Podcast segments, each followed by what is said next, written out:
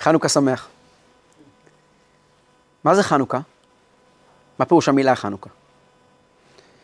אה, יש כל מיני הסברים, אבל כל ההסברים האלה, כמו רוב הדברים, הם הסברים ברבדים נוספים.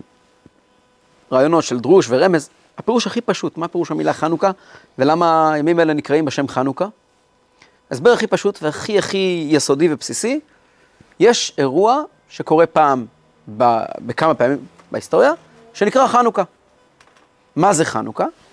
האירוע החשוב מכולם של חנוכה, מוזכר בתורה, אחד מהאירועים הכי דומיננטיים בתורה, זה חנוכת המשכן. אחרי מעמד הר סיני, משה רבנו על השמיים, הקדוש ברוך הוא אומר לו, אני רוצה, ועשו לי משכן ושכנתי, עשו לי מקדש ושכנתי בתוכם, רוצים לבנות משכן, משכן, מקום שבו היה כל הכלים. המשכן, סיימו לבנות אותו בכ"ה באדר, שמונה ימים עשו לו ימי מילואים של uh, התעמלות על עבודת המשכן. היום השמיני, ויהי ביום השמיני, יש פרשת שמיני, היום השמיני הוא היום של חנוכת המשכן.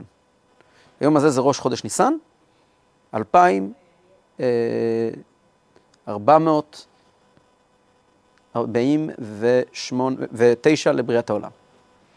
ואז היה, היה, היה חנוכת המשכן, אירוע גדול מאוד, אירוע מאוד משמעותי, שנמשך, כמה זמן נמשך חנוכת המשכן? חנוכת המשכן נמשך, נמשכה 12 יום. בכל יום מחנוכת המשכן, ביום הראשון היה אירוע ענק שמתואר בתורה בהרבה מאוד פרשות, הרבה מאוד, אה, מפרשת תצווה, אה, ויקל, פקודי, ויקרא, צו, פרשת שמיני מוקדשת לאירוע הזה באופן מיוחד, ופרשת נשוא, ועוד פרשות בתורה, מדברים באופן מאוד מאוד מאוד בולט על היום הזה שבו בו התחיל עבודת המשכן, וזה אירוע שנמשך 12 יום. כל יום מתוך 12 הימים האלה, נציג אחר של עם ישראל הקריב קורבנות מיוחדים בשם בני השבט שלו. 12 נשיאי ישראל הקריבו כל אחד קורבן בשם השבט שלו. זה נקרא חנוכת המשכן. גם כאשר שלמה המלך בונה את בית המקדש הראשון בירושלים, הוא עושה חנוכה. הוא מכריז על ימים שבהם יש קורבנות מיוחדים, חגיגות מיוחדות, שמחה מיוחדת. הימים האלה חלים בימי חג סוכות ומסתיימים בשמיני של סוכות, זאת אומרת בשמיני עצרת, שמחת תורה. בספר יחזקאל כתוב שכאשר תבוא הגאולה ויבנה בית המקדש השלישי, גם יהיה חנוכה. חנוכה מיוחדת, יעשו מסיבות מיוחדות עם קורבנות מיוחדים של ציון בניית בית המקדש השלישי, וגם כתוב שם כמה קורבנות יצטרכו להקריב וכולי. אנחנו אגב מבקשים את החנוכה הזאת בשיר המפורסם, מעוז צור ישועתי, שאני מניח שעבור רובנו זה אפילו לא צרפתית אה, מדוברת. אה, פירוש המילים, מעוז צור ישועתי, זה הקדוש ברוך הוא שאתה צור ישועתי, לך, מעוז צור ישועתי, לך נאה לשבח, ואני מבקש, תיכון בית תפילתי, תבנה את בית המקדש שלי, ושם תודה נזבח, ושם נקריב קורבן תודה. לעת תכין מטבח מצר המנבח, כאשר תטבח את, את, את הצורר שלנו, כלומר, כאשר תדאג שאלה שרוצים להרוג אותנו ייעלמו מהשטח, אז אגמור בשיר מזמור חנוכת המזבח. אז אני אעשה מתוך שמחה את חנוכת המזבח. זה מדבר על החנוכה שתהיה לעתיד לבוא. ובאמצע הייתה עוד חנוכה. יש עוד חנוכה אחת שאין לנו תיעוד ממנה, בוודאי הייתה, אה, חנוכת בית המקדש השני. כשעולי בבל עלו לארץ זה בנוי בית המקדש השני, עשו חנוכה. אבל החנוכה הגדולה, וזה מה שאנחנו מציינים כעת, זה חנוכת המזבח אחרי סיפור של היוונים. אחרי הסיפור של, מה שנקרא היום, של חנוכה. מה היה שם? היוונים, בעקבות סיפור ארוך מאוד, ולא ניכנס אליו כי אנחנו לא כעת בשיעור היסטוריה, אה, היוונים שלטו על בית המקדש. ולמעשה, בשונה מהבבלים ובשונה מהרומאים, הם עצרו את עבודת הקודש, ובעצם הרסו את בית המקדש בלי לגעת בו. זאת הייתה שיטה מיוחדת של חורבן. הם לא נגעו באמת בבית המקדש. הם השאירו את הכל בנוי. הם רק פגעו בכל הסמלים. הם, הייתה להם מלחמה, הם היו אנשים מאוד מאוד אינטליגנטים, מאוד חכמים, הם לא היו ברברים, הם לא היו בבלים, בלי לפגוע בבבלים, והם לא היו אה, רומים, הם היו אנשים מאוד מאוד אינטליגנטים, ולכן כאשר הם כבשו את בית המקדש, והם לא כבשו, הם היו בעלי הבית בעצם. של ארץ ישראל. הם לא, הם לא הגיעו לארץ, הם היו בארץ, כן? את, את, אתם יודעים איך היוונים הגיעו לפה, מה הסיפור של חנוכה? במילה אחת. אנחנו מגיעים לארץ עם, עם קום בבית השני, מה שנקרא תקופת שיבת ציון, לא כבעלי בית. אנחנו מגיעים כ... כבעלי הבית זה פרס, שהם בעלי הבית של כל העולם. ארץ ישראל נכבשה בידי הבבלים בחורבן בית שני. הפרסים כבשו את הבבלים, כבשו את כל מה ששייך להם, ארץ ישראל שייכת לפרסים. נחמיה, שמי שבעצם אה, חידש את היישוב בארץ ישראל, היה אה, נציב השלטון הפרסי בארץ ישראל. הוא היה רוברט סמואל של אז. והוא בונה, הוא קורא ליהודים לבוא להתיישב בארץ ישראל, כורש קורא ליהודים לבוא להתיישב בארץ ישראל, והם מקימים את בית המדרש השני, תחת השלטון הפרסי. כאשר אלכסנדר מוקדון כובש את כל העולם, הוא לא לוחם בנו, הוא לוחם בפרסים. וארץ ישראל הופכת להיות אה, מדינת חסות של קולוניה, של פרס, של יוון, פשוט. זה לא הפירוש שהיוונים נלחמו אי פעם והשתלטו על השטח. השטח היה לא שלהם, אבל הוא היה, הוא היה בחזקתם. והמרד של חנוכה היה בעקבות גזרות דתיות שהיוונים אה, הטילו על, אגב, הם לא היו יוונים בכלל, היו סלאוקים, אבל לא ניכנס לכל הפרטים, הם היו מייצגים של תרבות יוון, הם הטילו גזרות מאוד קשות על קיום מצוות מסוימות, בעיקר על סמלים, כדי בעצם אה, לגרום להתבוללות, לגרום לכך שהיהודים בארץ ישראל יהפכו להיות חלק מכל המרחב ההלניסטי בכל העולם כולו, שלא יהיה שום הבדל בין כולם. כן. וההת, וה, וההתקוממות של משפחת בית חשמונאי נגד השלטון, הייתה בעצם אמירה, התאבדות מוחלטת. אף אחד, בא, הם לא האמינו שהם ינצחו. זאת הייתה התאבדות. אבל אלו היו רגעים שבהם נעמדו אנשים שאמרו, יש רגעים בחיים של אומה שהולכים על כל הקופה. גם אם אין לזה שום סיכוי. כי לא היה לזה שום סיכוי, והם ניצחו.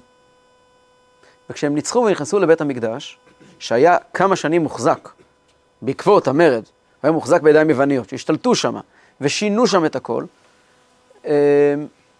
אז בעצם כבשו את בית המקדש מחדש, והמשימה שלהם לא הייתה לבנות אותו, אלא לטהר אותו. מכיוון שהם פגעו בסמלים. באיזה סמלים הם פגעו? אז uh, סמל אחד מאוד מאוד מפורסם, הם uh, הקריבו על המזבח קורבנות מבעלי חיים לא כשרים, עבור uh, האליל שהוצב מול המזבח. בעצם הם עבדו, הם קיימו בבית המקדש פולחן של עבודה זרה. היו צריכים uh, לשבור את המזבח ולבנות חדש. זה היה סמל אחד. סמל שני, בתוך בית המקדש היה חומה קטנה, בגובה של אמה. אמה זה חצי מטר, שהקיפה את כל השטח שאסור לגויים להיכנס. מעל הש... החומה הזאת יש שלט. אגב, יש לנו שלט אותנטי כזה היום, מקורי, במוזיאון ישראל. אה? כן, כן. שלט מאבן, שכתוב עליו שאין כניסה, שבשפה מאוד מכבדת, שמי שהוא לא טהור, מכל מיני סיבות, או מישהו לא, מבני, מישהו לא יהודי, לא יכול לעבור את, ה, את, ה, את הגדר הזו. זאת אומרת, גויים תמיד הגיעו לבית המקדש, כי ביתי בתפילה ייקרא לכל העמים, אבל כמו שליהודים אסור להיכנס ממחיצה מסוימת, שמותר רק לכהנים, ויש מקומות שגם לכהנים אסור להיכנס, אלא רק לכהן גדול, גם ליהודים אסור להיכנס לכל בית המקדש. אז יש מקומות שלגוי אסור להיכנס. זה לא אומר שהוא שווה פחות, כמו שלא אומר בכלל שהכהן הוא טוב יותר מאשר הישראל. המלך לא יכול להיכנס למקומות מסוימים בבית המקדש. זה, יש דרך איך שהמקום הזה עובד, והשלטים האלה מאוד מאוד מאוד מאוד הרגיזו את היוונים. כי הם בעצם דיברו על כל, כל מה שהפוך מסימולציה והתבוללות. מ, מ, כן? אז לכן הם הלכו ושברו את, ה, את הגדר הזאת, אבל הם לא שברו את כולה, כי הם לא היו אנשים של לשבור. הם עשו 13 פרצות. הם פרצו. 13 פרצות, 13 פרצות בגדר הזו. כאשר הגיעו החשמונאים ובנו את בית המקדש, הם לא תיקנו את הפרצות. במקום לבנות, במקום, לתק, במקום לתקן, הם הפכו אותם ל-13 אנדרטות קטנות. הם לקחו את המקום והפכו אותו למגודר, וכל מי שעובר שם חייב להשתחוות. להודות לשם על הסיפור של חנוכה. כי שוב, זה מלחמה של סמלים. והדבר המפורסם מכל, הם ניגשו אל המנורה. המנורה הטרידה אותם מאוד, הרגיזה אותם מאוד. אה, כבר נבין למה, והם עשו שתי פעולות. פעולה ראשונה, וזה כנראה בגלל חמדנות גרידא, לקחו את המנורה והעלימו אותה. המנורה מדובר על דבר ששוקל המון, וזה הכל זהב טהור. דבר, זה מוצר מאוד, זה כלי מאוד מאוד מאוד מאוד מאוד מאוד יקר. הם רוקנו את אוצרות המקדש. כל דבר שהוא שווה כסף הם לקחו. המנורה היא דבר מאוד מאוד יקר והם לקחו אותו מיד. זה מובן.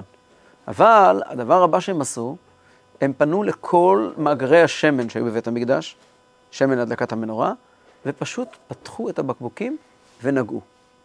לא עשו שום דבר מעבר. בקבוקי השמן עמדו במקום, והיו מוכנים להדלקה, הכל בסדר, אבל הם היו טמאים.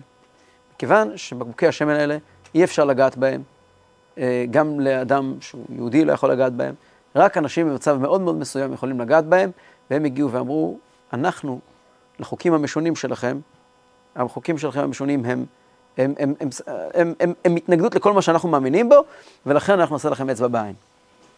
וזה כל הסיפור של חנוכה, לכן חנוכה אגב נקבע על שם נס פח השמן, ולא על ניצחון המלחמה, למרות שניצחון המלחמה זה הרבה יותר דרמטי. הקמנו מדינה. חנוכה הקמנו מדינה. כאילו, אחרי 300 שנה, פתאום קמה מדינה. זה, זה, זה אירוע ששווה כל...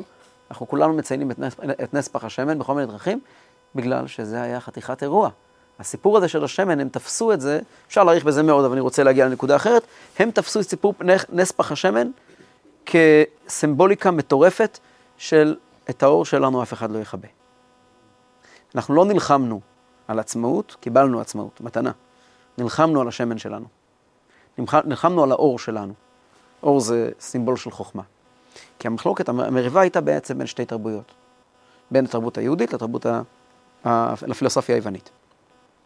וגם אז עשו חנוכה. הקריבו קורבנות מיוחדים. והחג הזה נקרא חנוכה, מציינים אותו בכל ההיסטוריה, מכיוון שהקרבת הקורבנות באותה הזדמנות, אותה חנוכת המזבח, באותה הזדמנות, הייתה אירוע רב רושם, ומצאו לו מקור בתורה. איפה מצאו לו מקור בתורה? בפרשת חנוכת המשכן, כן? שאירע בזמן משה רבנו, מתואר 13, 12 אה, נשיאי שבטים שמקריבים. וברגע שמסתיים, זאת חנוכת המזבח ביום הימשך אותו, ממשיכה התורה ומספרת, ויאמר השם, וידבר השם למשה לאמור, דבר אל אהרון אחיך, ובעלותך את הנרות, אל מול פני המנורה יאירו שבעת הנרות. וזה מעשה המנורה, מקשה זהב, על, על ריחת, פריחה, מקשי, כמראה אשר הראה השם את משה, כן עשה את המנורה. ככה פותח, פותחת פרשת אה, אה, בעלותך, שהיא צמודה לסיפור הקרבת הנשיאים. וכל מי שקורא את הפסוקים האלה שואל את עצמו מיד, מה זה קשור לכאן? אנחנו כבר למדנו על המנורה, איך היא בנויה ואיך היא עובדת, פעמיים או שלוש קודם. בספר ויקרא, בספר שמות. אנחנו עכשיו באמצע ספר במדבר. מה אתה מספר לי שצריכים להדליק את המנורה? אנחנו יודעים שצריכים להדליק את המנורה. אומרים הפרשנים, הרמב"ן, רבי משה בן נחמן, מביא בשם מדרש קדום שהוא לא קיים בידינו, שצריכים להבין את הסיפור הזה כמשהו אחר לגמרי. כמה שבטים יש בעם ישראל? טעות נפוצה. לעם ישראל יש 13, 13 שבטים. יוסף נחלק לשניים, כן. אפרים ומנשה. כן, והחלוקה הזאת, יש 12 בנים ליעקב אבינו, זה נכון, אבל ישנם 13 שבטים. וכאשר הקריבו את קורבנות הנשיאים, הקריבו 12. מי לא הקריב? הקריב גם אפרים וגם מנשה הקריב. מי לא הקריב? לוי לא הקריב. ומי הוא נשיא שבט לוי? אהרון הכהן. אהרון הכהן, ככה מביא אה, הרמב"ן, שהוא, גם רש"י מביא את זה, אבל הרמב"ן מעריך בזה מאוד. רש"י מביא מיד, שלמה מיד כתוב בעלותך את הנרות? כי ראה אהרון שלא נבח... לא, שכולם נתנו את, ה... את חנוכת המשכן, והוא לא הקריב, לא הוא ולא שבטו. אז הוא נפגע, נפגע. הוא אמר, אני רוצה גם. דרך אגב, הוא הרי עושה הכל, כל המשכן זה שלו. אבל הוא רוצה גם את זה. אז הוא אמר למשה רבנו, מה איתי? אני רוצה גם לזכות להקריב את הקורבנות. ואז השם אומר למשה רבינו, תגיד לו שהנרות שלך, לך, או רש"י אומר, לך יש זכות יותר גדולה משלהם. אתה, אתה מדליק כל יום את הנרות של המנורה. אומר הרמב"ן, בשם מדרש, מה הייתה הנחמה של אהרון? אומר לו הקדוש ברוך הוא לאהרון, אתה מסתכל על חנוכת המשכן ואתה אומר, לא זכיתי, לא זכיתי. אחי, מחכה לך חנוכה אחרת. חנוכה שלך. והחנוכה שלך זה חנוכת בית חשמונאים, הרי היו כהנים על ידי כהניך הקדושים. הם היו צאצאי אהרון. והחנוכה שלך תהיה באמצעות הדלקת נרות. בעלותך את הנרות, והנרות הללו אינן בטלים לעולם. זאת אומרת, האירוע הזה שקרה כאן עכשיו הוא אירוע נורא נורא חשוב, ונורא נורא דרמטי, ותופס פרשות שלמות מן התורה, אבל הוא אירוע שמסתיים. ואיתך אני מדבר על נרות שידלקו לעולם. והנרות שידלקו לעולם לא הכוונה לנרות המקדש, אלא לנרות החנוכה. שנרות החנוכה הם נרות שבעצם כל אחד מאיתנו מדליק בבית שלו, כבר נפתח את זה, והם המשך לחנוכת המש... בית המקדש על ידי החשמונאים, והם לא ייבטלו לעולם. ומכאן שיש קשר ישיר בין נרות החנוכה שלנו לבין נרות המקדש. והקשר הזה בא לידי ביטוי בהרבה דברים. אה, קודם כל, בהידור להדליק נרות אה, משמן, כמו שהיה בבית המקדש. בבית הכנסת כתוב שמדליקים את הנרות דווקא אה, בקיר הדרומי, כמו בבית המקדש, שם עמדה המנורה. יש קשר בין נרות המקדש לנרות המנורה, לנרות החנוכיה. גם החנוכיה, הרבה אנשים בונים אותה, דומה לחנוכיה של בית המקדש. אבל ככל שהם דומים, ככה הם שונים. נרות בית המקדש, אם מדליקים אותם לפנות ערב, כשעוד אור בחוץ. ואם מדליקים אותם בתוך בית המקדש, בתוך המבנה. למבנה של בית המקדש היו חלונות, שהחלונות האלה היו נקראים שקופים אטומים. כלומר, הם מוציאים אור החוצה, אבל לא קולטים אור. כיוון שהקדוש ברוך הוא לא צריך לקבל אור מבחוץ, הוא נותן אור לכל העולם. ואילו הנרות שלנו, מדליקים אותם בחוץ. יותר מזה, אין עוד אף מצווה, חוץ מפרה אדומה, שנעשית דווקא בחוץ. יהודים תמיד ידעו לשמור על הבית. ההשתלטות על המרחב הציבורי היא נושא חדש. החנוכיה, נרות חנוכה, מדליקים אותם בחוץ. לא סתם בחוץ, בשונה מנרות המקדש, מדליקים אותם דווקא בלילה. דווקא בלילה, דווקא בחוץ, ועוד דבר מאוד מעניין, בבית המקדש המנורה עמדה בצד דרום. דרום זה ימין. אם מזרח זה קדמה, אז דרום זה ימין וצפון זה שמאל. נרות חנוכה אצלנו מדליקים בצד השמאלי. בצד השמאלי של, ה, של הפתח. בצד השמאלי ולא בימני כמו בבית המקדש, בלילה ולא ביום. מה זה בלילה? בין מנחה לערבית? ברגע שמתחיל להיות חושך. אחרי הערבית? שיש כוכבים. מי יצאת הכוכבים? מצוותם מי שתשקע החמה, לשון הגמרא. מי שתשקע החמה. דווקא בחושך. ודווקא בחוץ, דווקא בחושך, ודווקא בצד שמאל. וזה לא סוד ששמאל מסמל דין. אז אומרת אה, חוי, ובצדק, כי אנחנו רוצים להאיר את החושך. כמו שאמרו חכמינו, באנו חושך לגרש. זה נכון, אבל גם המנורה בבית המקדש באה לגרש חושך. מה הסוד של נרות חנוכה? שמצד אחד הם מזכירים את נרות המקדש, מצד שני כל כך שונים, ואלו לא שינויים מינוריים. זה נשמע מינורי בפנים, בחוץ, ימין, שמאל, יום, לילה. שינויים, אלו שינויים מהותיים. ולמה הם שינויים מהותיים? ככל שנחשוב על זה, זה שינויים מהותיים מכיוון שהיהדות באמת מתחוללת בפנים. ליל הסדר, הלילה הכי יהודי בשנה, קורה בתוך הבית. יהדות עוברת מאבא לבן, מאמא לבן, מאמא לבת, בבית, במאכלים, בתבשילים, במנגינה, בריחות. אין דבר יותר יקר מזיכרונות מבית אבא. הבית זה המקום שבו היהדות מתחוללת. בית הכנסת זה מקום נחמד וחשוב, אבל החשיבות שלו ביהדות היא פחותה בהרבה מאשר של הבית. הבית הוא מקום קדוש, המזוזה שעומדת בכניסה, ונכון שהמזוזה וה... והחנוכיה נמצאים באותו מקום, זה מימין וזה משמאל, אבל הם הפכים לגמרי. המזוזה היא כי שם מתחילת הבית, החנוכיה כי כאן תחילת החוץ. והבית שלנו הוא מקום מאוד מאוד יקר. יש כבוד עצום אצלנו להורים. נכון? שאל אביך ויגדך זקניך ויאמרו לך, למסורת, לזיכרונות של המשפחה. זה נורא נורא נורא חשוב, כי, כי יהדות זה אבא לבן. כי ישאלך בנך מחר לאמור, ליל הסדר, ליל שבת, קידוש. זאת היהדות. הדרשה של הרב בבית הכנסת, נו, בסוף בסוף היהדות זה שאתה יושב עם הילד שלך ושרים ביחד שירים, זאת היהדות, בתוך הבית. והיהדות מעולם לא ניסתה לצאת אל הפומבי, אל החוץ. וכאן אנחנו באמת אה, נזכרים בדבר מעניין שגילי הזכיר קודם, שהרבי הגיע בשנת 1980, נדמה לי, ואמר, חברים, חייבים להוציא את חנוכה לא ליד הדלת, למרכזי הערים. ויצא אז בפרויקט הגדול של חנוכה, חנוכיות ברחובה של עיר. ומעולם בהיסטוריה לא היה דבר כזה. ללכת ולהדליק חנוכיות גדולות, חנוכיות ענק במרכזי הערים. והרבי אמר שאנשים, אנחנו, המטרה שלנו מלחמה נגד ההתבוללות. ונער יהודי בן 17 שהולך ברחוב באמצע סן דייגו, או באמצע, לא יודע איפה, ברלין, או ניו יורק, ניו יורק, לא, ניו יורק זה עיר יהודית.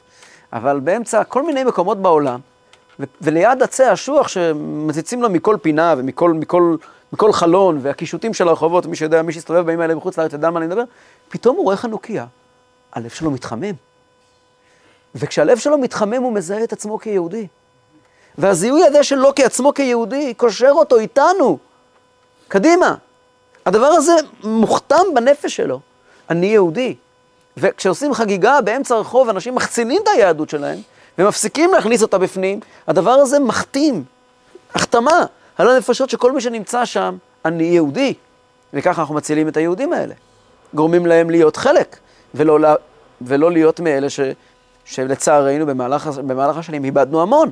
אנשים פשוט מפסיקים לזהות את עצמם כיהודים, והילדים שלהם כבר לגמרי לא קשורים לסיפור. ו, ופה זאת מלחמה נגד ההתבוללות, ואגב, זה לא הלך לו קל. אה, קהילות רפורמיות בכל ארצות הברית תבעו את חב"ד לבתי משפט. מה? היו משפטים במשך עשרים ומשהו שנים. על מה? בכל מדינה ומדינה בנפרד, הקהילה הרפורמית תבעה את חב"ד על הצבת חנוכיות ברחובות, כי זה נגד העיקרון האמריקאי של הפרדת דת ממדינה. הטיעון החב"די היה, הפרדת דת ממדינה היא לא התנגדות לדת. והנה תסתכלו, יש פה עצי אשוח. על זה אף אחד לא טוען, כי לא, עדיין לא נולד הגוי שיש לו בעיה עם עצי אשוח, אבל ליהודים בעיה עם יהדות תמיד היה ותמיד יהיה. ו... כי זה נובע, כי, כי באמת הם קשורים. כל מי שקשור, אה, זה מציק. בכל אופן, וברוך השם, אה, זכו בכל, בכל ארה"ב, 53 מדינות, לא יודע, בכל מדינה אה, אה, היה משפט, אבל בהרבה מאוד מדינות, אני זוכר לפני בערך עשר שנים, שמעתי מהמזכיר של הרבי, הרב, הרב קרינסקי, שהשנה זה פעם ראשונה שאין תביעות. לפני עשר שנים בערך. הוא עמד, הוא דיבר בפני כל השלוחים בכינוס השלוחים, הוא אמר שהשנה זה השנה הראשונה שאין תביעות. בכל העולם, המאבק הזה, שעומד אה, אה, עומד, אה, אה, בן דודי הרב יהודה טכטל מברלין, ועל יד החנוכיה הגדולה שם בגשר בברלין, בשער בברלין, המשמעות של זה, הגאווה היהודית נותן, אני אספר לכם. אני הייתי כבחור, עבדתי בישיבה בדטרויט, שנתיים. ובלילות חנוכה, כמו כל חסיד חב"ד, יצאתי לברך עם יהודים על נרות חנוכה. ולאיפה הלכתי? הלכתי עם חבר, ל... יש שם מבנים של עולים מרוסיה, לא עולים, של מהגרים מרוסיה. עולים עולים רק לארץ. מהגרים מרוסיה, יהודים. המהגרים מרוסיה גרים בשכונות עוני, שזה לא נעים אפילו להסתובב שם. באמת לא נעים להסתובב שם. אתה מטפס על המדרגות של הבנייה, של המבנה, אתה ממש מרגיש איך, שה, איך שהבנייה מתנדנד. כולו בנוי מעץ, זה לא נעים. ודפקנו להם בבתים, אני אפילו לא יודע, איזה שכונה בדטרויט, ואני זוכר שאנחנו, יש כזה תמונה בראש שלי, שדופקים בדלת של משפחה, עולים מרוסיה, את יודעת, את עובדת בזה. פותחים את הדלת, וטלוויזיה גדולה גדולה עומדת בסלון, טלוויזיה ברוסית, ומה רואים בטלוויזיה? לא. לא. לא. רואים את הרב ברלזר, עומד יחד עם ראש עיריית מוסקבה, הם מדליקים נר חנוכה בקרמלין. והם עומדים, עומדים אה, אותם אה, יהודים יקרים, עם דמעות בעיניים, ואומרים לנו, תסתכלו. אתם מבינים, כשאתם רואים את הרב ברלזר עומד בקרמלין, בכיכר האדומה, ומדליק נרות חנוכה, יחד עם, עם, עם ראש עיריית מוסקבה, המשמעות של זה היא אדירה, היא בלתי נתפסת.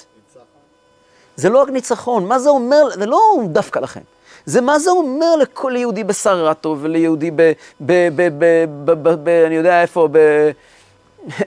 בסמרה ובכל פינה ברוסיה האדירה. הוא רואה את זה, משדרים את זה בטלוויזיה, אתה יודע מה זה אומר לו? זה אומר לו, אני שווה, אני יהודי, אני חלק. אה? נכנס, לא רק, אני, אני, יש לי פה, אני מרגיש, זה שלי. כמו שמקודם סיפרה משה, שכשהם הגיעו לארץ, אז האבא שלה היה יהודי מאוד מבוגר, והיא בחיים לא שמעה על חנוכה, לא כלום, כלום, כלום. הם הגיעו לארץ, אז אבא שלה אה, פתאום התחיל להתלהב ואמר, איך הוא אמר? אונקה גלט. אונקה גלט, אונקה גלט, כלומר חנוכה גלט, דמי חנוכה. הוא לא. הוא נזכר בדמי חנוכה. דמי חנוכה, לא. חניקה גלט, זה הונקה גלט, הוא קרא לזה כי ככה הוא זכר. הדבר הזה נותן משמעות לכל היהודים האלה, ובעצם הופך אותם להיות חלק מהקהילות היהודיות. זה היה המאבק הגדול של הרבי. שימו לב, הרבי העתיק את החנוכיה מפתח הדלת אל הרחוב, ממש ברחוב. מה קורה פה? אז כדי להבין את זה, אנחנו צריכים לזכור ולהבין מה שאומר הרמב"ן, שנרות חנוכה לא בטלים לעולם. מה זה לא בטלים לעולם? לא בטלים לעולם פירושו לא רק שהם יימשכו לאורך הרבה שנים, גם תפילין יימשך לאורך הרבה שנים. הסיפור, הסיפור הוא שחנוכה, נרות חנוכה, ככה מפרשים בדברי הרמב"ן, הם גם כשתבוא הגאולה, במהרה בימינו אמן, גם בימות המשיח, יציינו את חנוכה. חנוכה ופורים, כתוב בגמרא, כל המועדים בטלים בימות המשיח, וחנוכה ופורים אינם בטלים לעולם. כשמשיח יבוא, כל החגים, פסח, שבועות, סוכות, ראש השנה, אה, נוביגוד, לא יודע, כל החגים, אה? יום כיפור. יום כיפור לא, יום כיפור יישאר. ולמה הוא יישאר? כבר נדבר על זה. הוא יישאר, כתוב בספרים, כי הוא דומה לפורים. פורים כפורים, אבל פורים וחנוכה יישארו. אבל לכאורה יש שאלה על זה. אחד משלוש עשרה האמונות שלנו זה שהתורה היא נצחית. ושום דבר מהתורה לא ייבטל לעולם. פסח, שבועות, סוכות, ראש השנה, זה הכל חגים שכתובים בתורה. הם לא ייבטלו כשמשיח יבוא. אז מה הפירוש שכתוב בחז"ל שהם ייבטלו? אז ההסבר הוא, שום דבר לא יבטל.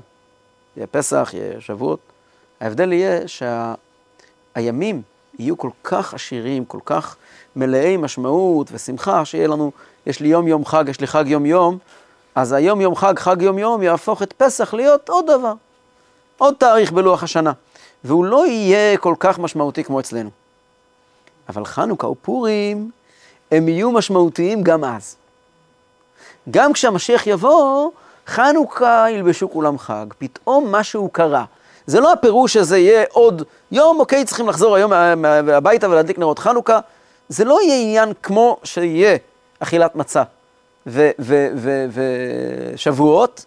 זה לא יהיה יש לי יום יום חג, יש לי חג יום יום, אלא זה יהיה באמת משהו אחר, כי חנוכה הוא יום בולט בכל העתיד. וכל כך למה? כי חנוכה ופורים הם חגים, בשונה מפסח, שבועות וסוכות, שנוצרו על ידי בני אדם, על ידי יהודים. אלו לא חגים שירדו מהשמיים. אז חנוכה בהגדרה זה משהו שאנחנו יצרנו. מסירות הנפש של בני חשמונאי יצרה את חנוכה. ומסירות הנפש בדורו של מרדכי יצרה את פורים. הדבר הזה, השורש שלו יושב לא בתורה, אלא בישראל. וישראל גבוהים מן התורה. וכשאדם מגיע ועושה משהו, משיג איזשהו הישג מתוך מאמץ, זה יקר יותר ואמיתי יותר ממה שהוא קיבל במתנה. ולכן, גם כשהגאולה תבוא, ידעו להעריך את הדברים שחצבנו מתוך הלבבות שלנו, מתוך הדם שלנו, מתוך הכאב שלנו. אבל זה רק הקדמה למה שאני רוצה לדבר היום. מה באמת הסוד של חנוכה? אלו סוג של חנוכה ופורים, הם חלונות של העתיד. כי העתיד, ימות המשיח למעשה זה תוצאה של מה שאנחנו עושים עכשיו. המשיח כשיבוא וכל מה שיהיה בבוא המשיח, זה בעצם שיקוף של העבודה שלנו. הרי המשיח הוא בן אדם. והגאולה תבוא, ומה יהיה אז, כמו שדיברנו בכל המפגשים האחרונים, אחד אחרי השני, שוב ושוב ושוב, זה יהיה זמן של דירה בתחתונים, שהעולם, שאנחנו נהיה בשלמות גדולה. אומרת, זה תלוי בנו, זה סיפור שלנו. חנוכה הוא מין פסגה שאנחנו הגענו אליה. חנוכה זה חלון של העתיד. ולכן דרכו אנחנו יכולים להבין איך ומה הסוד של הגאולה. אז בקיצור, יש לנו את נרות המקדש, שמדליקים אותם ביום, מדליקים אותם בצד ימין, מדליקים אותם בפנים, ומאירים את העולם. יש לנו את נרות חנוכה שמדליקים אותם בחושך, מדליקים אותם בחוץ, מדליקים אותם בצד שמאל. וגם הם מאירים את העולם. אבל זה לא אותו אור. למה? ו... אז התקופה הכי יפה של עם ישראל בהיסטוריה היה בימי שלמה המלך. שלמה המלך יושב על כיסא השם בירושלים, בית המקדש בנוי, עם ישראל כולם, הממלכה המאוחדת. המצב שלנו מתוקן באופן מושלם, מה שגורם לכך שאלו היו רגעים של מה שאנחנו קוראים דירה בתחתונים, שהקדוש ברוך הוא והעולם והחיים, הכל היה מסודר, דבר דבור על אופנו, כל דבר היה מדויק לחלוטין. מה קורה אז? כל העולם מגיע לארץ. הוא, כמו שהפסוק אומר, ומלכת שבא שומעת את שם השלמה לשם השם, ותבוא ירושלים. למה היא באה לירושלים? לא להתחנף, כי אין לנו שום מלחמה עם שבא. שבא זה, אני יודע איפה זה, זה חוף השנהב, אתיופיה. אין לנו שום עסק איתם. היא מגיעה מכיוון שמה שכתוב בפסוקים, אומרת לשלמה, שמעתי את חוכמתך, אני רוצה להתבשם מהחוכמה שלך. וכמו מלכת שבא, כתוב שמכל העולם שלחו נציגים ללמוד חוכמה ב- בירושלים. זאת אומרת, ירושלים הפכה להיות מרכז קדוש, מרכז של קדושה ו- ו- וחיבור לקדוש ברוך הוא, שעורר עדים בכל העולם, ומכ- ומכל העולם באו ויצרו קשרים עם ירושלים. זה למעשה גאולה. אנחנו מה, מה אומרים? מה יהיה כשהמשיח יבוא? הפסוק, הפסוקים אומרים ש"ונהרו אליו כל הגויים". הפסוקים מדברים כי מציון תצא תורה ודבר השם ירושלים. למי? זה פסוק לפניכם, ונהרו אליו כל הגויים. יש פסוק, אה, אז זה הפוך אל עמים, שפה ברורה, לקרוא כולם בשם השם ולעובדו שכם אחד. על הפסוק על בית המקדש, פסוק שכבר הזכרנו קודם, כי ביתי בתפילה יקרא לכל העמים, זה פסוקים שמדברים על הגאולה העתידה. בגאולה העתידה, גויי כל העולם ירגישו שהמרכז הרוחני שלהם נמצא בירושלים. אנחנו לא מאמינים ביום שבו אנחנו נגרש מפה את כל בני העולם, נכון? להפך. אנחנו כל יום, שלוש פעמים ביום, מתפללים, ועל כן נקווה לך, השם אלוקינו, לראות מהרה בתפארת עוזיך, להעביר גילולים מן הארץ, שלא יהיה בעולם הזה עבודה זרה, והאלילים קרות יכרתון, ואז מה יהיה? לתקן עולם במלכות שדי, וכל בני בשר יקראו בשמך. להפנות אליך כל רשעי הארץ. יכירו וידעו כל יושבי תבל, כי לך תכרע כל ברך, תשבע כל לשון. לפניך, השם אלוקינו, יכרעו ויפולו, ולכבוד שמך עיקר איתנו. ויקבלו כולם עליהם את עול מלכותך, ותמלוך עליהם מהרה לעולם ועד, כי המלכות שלך היא. ולעולמי עד תמלוך בכבוד, וכתוב בתורתך, השם ימלוך לעולם ועד. ונאמר, והיה השם למלך על כל הארץ, ביום ההוא יהיה השם אחד ושמו אחד. אנחנו מחכים ליום שהעולם יהיה מתוקן, יהיה אוניברסליות, שלא כולם יהיו יהודים, אבל כולם יהיו אה, אה, חלק, הרמוניה אחת גדולה, של לקרוא כולם בשם השם ולעובדו שכם אחד. דבר מאוד מאוד מאוד דומה לזה היה כבר אצל שלמה המלך. ושלמה המלך בית המקדש עומד על מכונו, והמנורה עובדת והיא מאירה בכל העולם. והסימבול של המנורה, יש לנו מנורה, יש לנו אור, יש לנו מסר, יש לנו רעיון, וכי מציון תצא תורה ודבר השם ירושלים, והעולם כולו נורא נהנה ובא ורוצה להיות חלק מהרעיון הנפלא הזה, רוצה לקבל את האור הזה. בגאולה העתידה אבל זה יהיה שונה. זה יהיה שונה. כי הגאולה העתידה לא תגרום למלכת שבא לבוא משבא אל ירושלים. שימו לב, בגאולה העתידה, מלכת שבא תגור בשבא ותאמר, שבא היא חלק מירושלים. ואם אנחנו נעבור משפת הסמלים למציאות, יכול להיות, בואו נדבר רגע על החיים שלנו. יכול להיות מצב מתוקן שאנחנו חיים חיים רוחניים, והנשמה שלנו מאוד מאוד משמעותית אצלנו. ואז אנחנו שמים אותה עיקר, ומקדישים לה זמן, מקדישים לה איכות. וזה, יש מצבים מסוימים, או אנשים מסוימים שהם סגנון של בית המקדש, שהמקום הזה של הקדושה הוא המקום הדומיננטי אצלם, וכל דבר טוב מתקשר לשם. אבל החיים עצמם הם לא דבר טוב, הם עברו כדי לשרת את הדבר הטוב. אני הולך לעבוד כדי שיהיה לי כסף, אני מקים משפחה כדי... אני הכל כדי ש... אבל החיים עצמם הם לא הדבר עצמו. הגאולה היא שהחיים עצמם הופכים להיות הדבר עצמו. שהעובדה שאני קם בבוקר והולך לעבודה, זה הקדושה. לא צריכים כעת לקשור את זה אל ירושלים. זאת הקדושה. וזה, הרעיון הזה זה הרעיון של חנוכה. חנוכה לא מגיע ואומר, נעמוד פנימה ונעיר החוצה. נדליק מהיום שיאיר את הלילה. נדליק בפנים כדי שיאיר בחוץ. ניצמד לימין כדי להאיר את השמאל. חנוכה אומר, לא, לא, לא, לא. השמאל לא מפחיד אותי. החוץ לא מפחיד אותי. החושך לא מפחיד אותי. הלילה לא מפחיד אותי. אני אקח את הלילה. והלילה מבחינתי הוא זמן מצוין להדליק אור. וצד שמאל הוא בדיוק כמו צד ימין, כיוון שחנוכה באמת ביטוי שאנשים התגברו על הקשיים שהיו להם באותו דור, והצליחו לחולל מין, מין אקס-טריטוריה של גאולה. שגאולה משמעה שהחול הופך לקודש. לא רק משרת של הקודש, אלא הוא בעצמו קודש. בעניין הזה אני רוצה לספר סיפור. סיפור בן 200 שנה. אבל מיד אחריו אני רוצה לספר סיפור ששמעתי השבוע, ואני עדיין תחת הרושם שלו. הסיפור מהשבוע מספר שהסיפור מלפני 200 שנה הוא לא סיפור מלפני 200 שנה.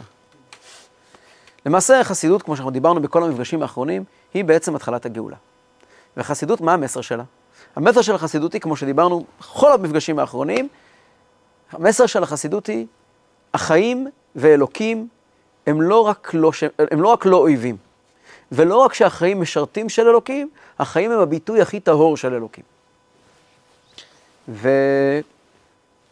סיפור שהרבי היה מספר אותו הרבה פעמים בהתרגשות גדולה.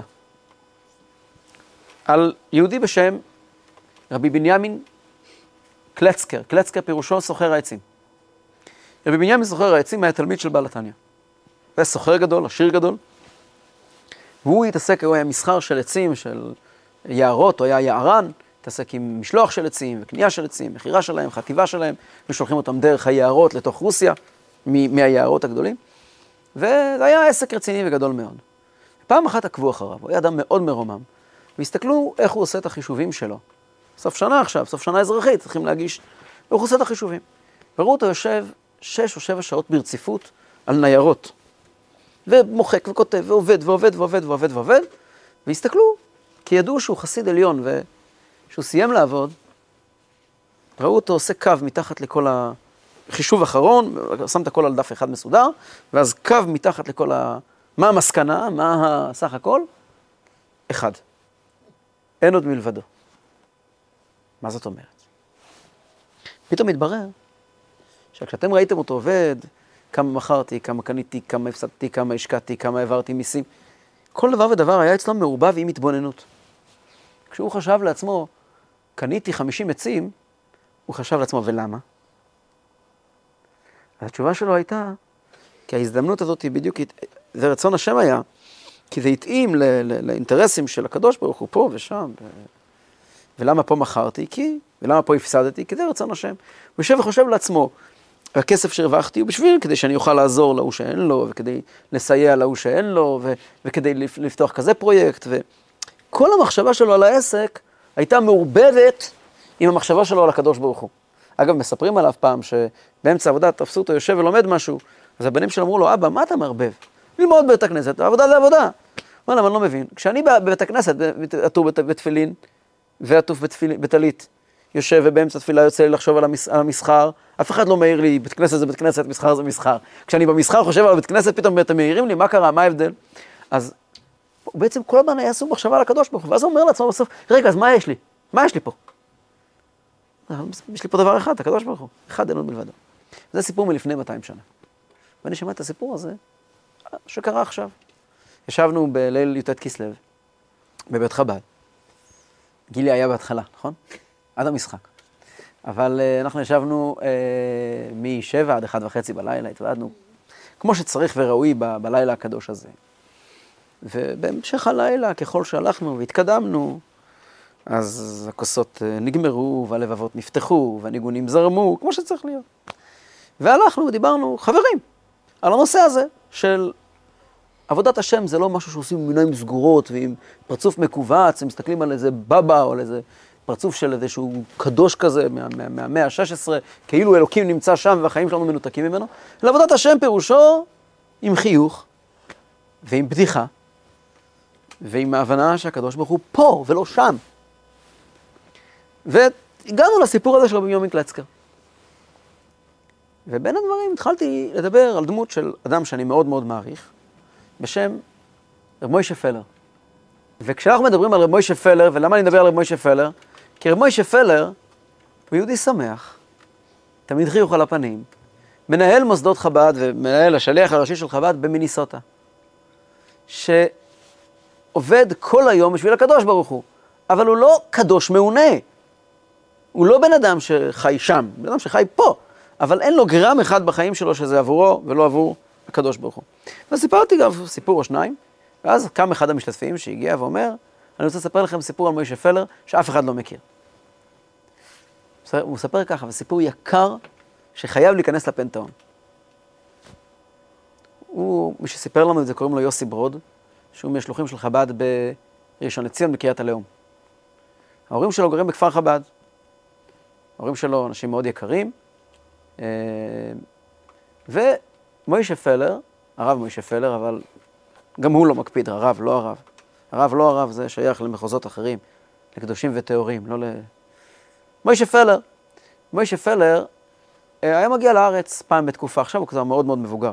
הוא מגיע לארץ פעם בתקופה, לסבב, לבקר את התלמידים שלו וכל מיני דברים, לתת הרצאות.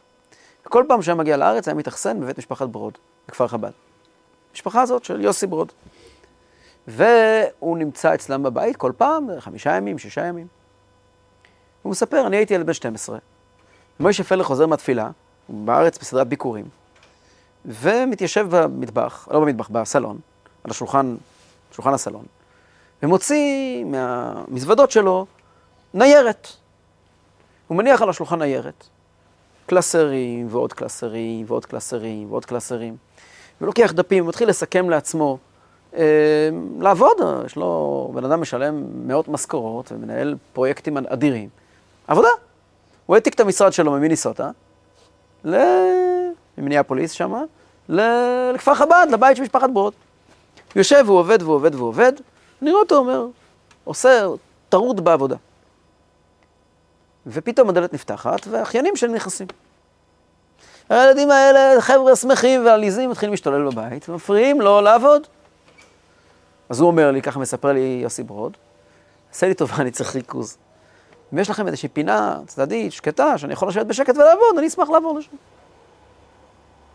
אומר לו, בשמחה, יש לנו מתחת לבית basement. basement שעומד להשכרה, ואז הוא היה פנוי.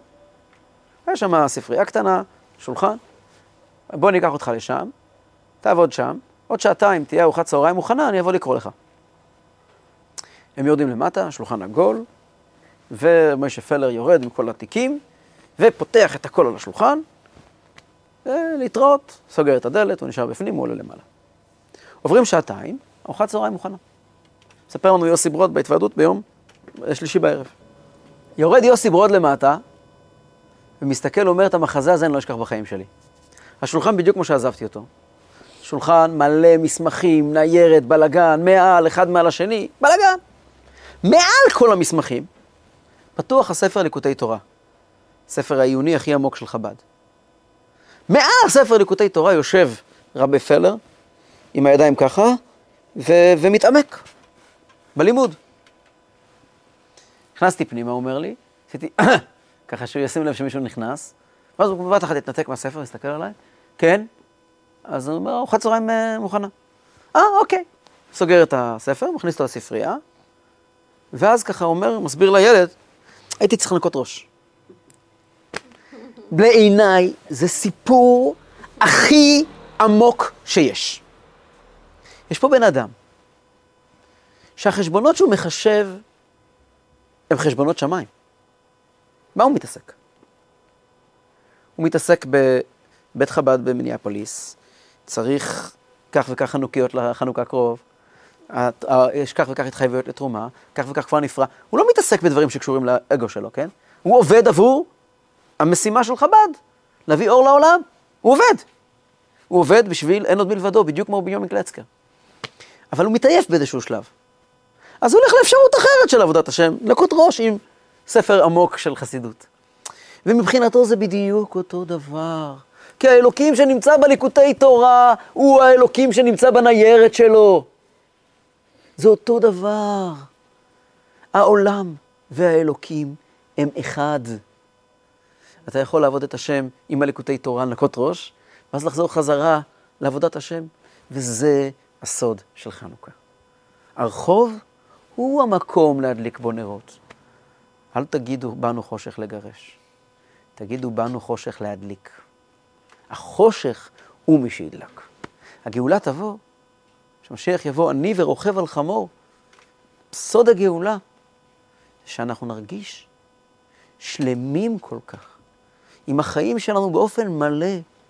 זה לא שאנחנו צריכים להתאמץ ולחפש ולטפס, אלא החיים שלנו עצמם הם אבוקה בוערת של אור.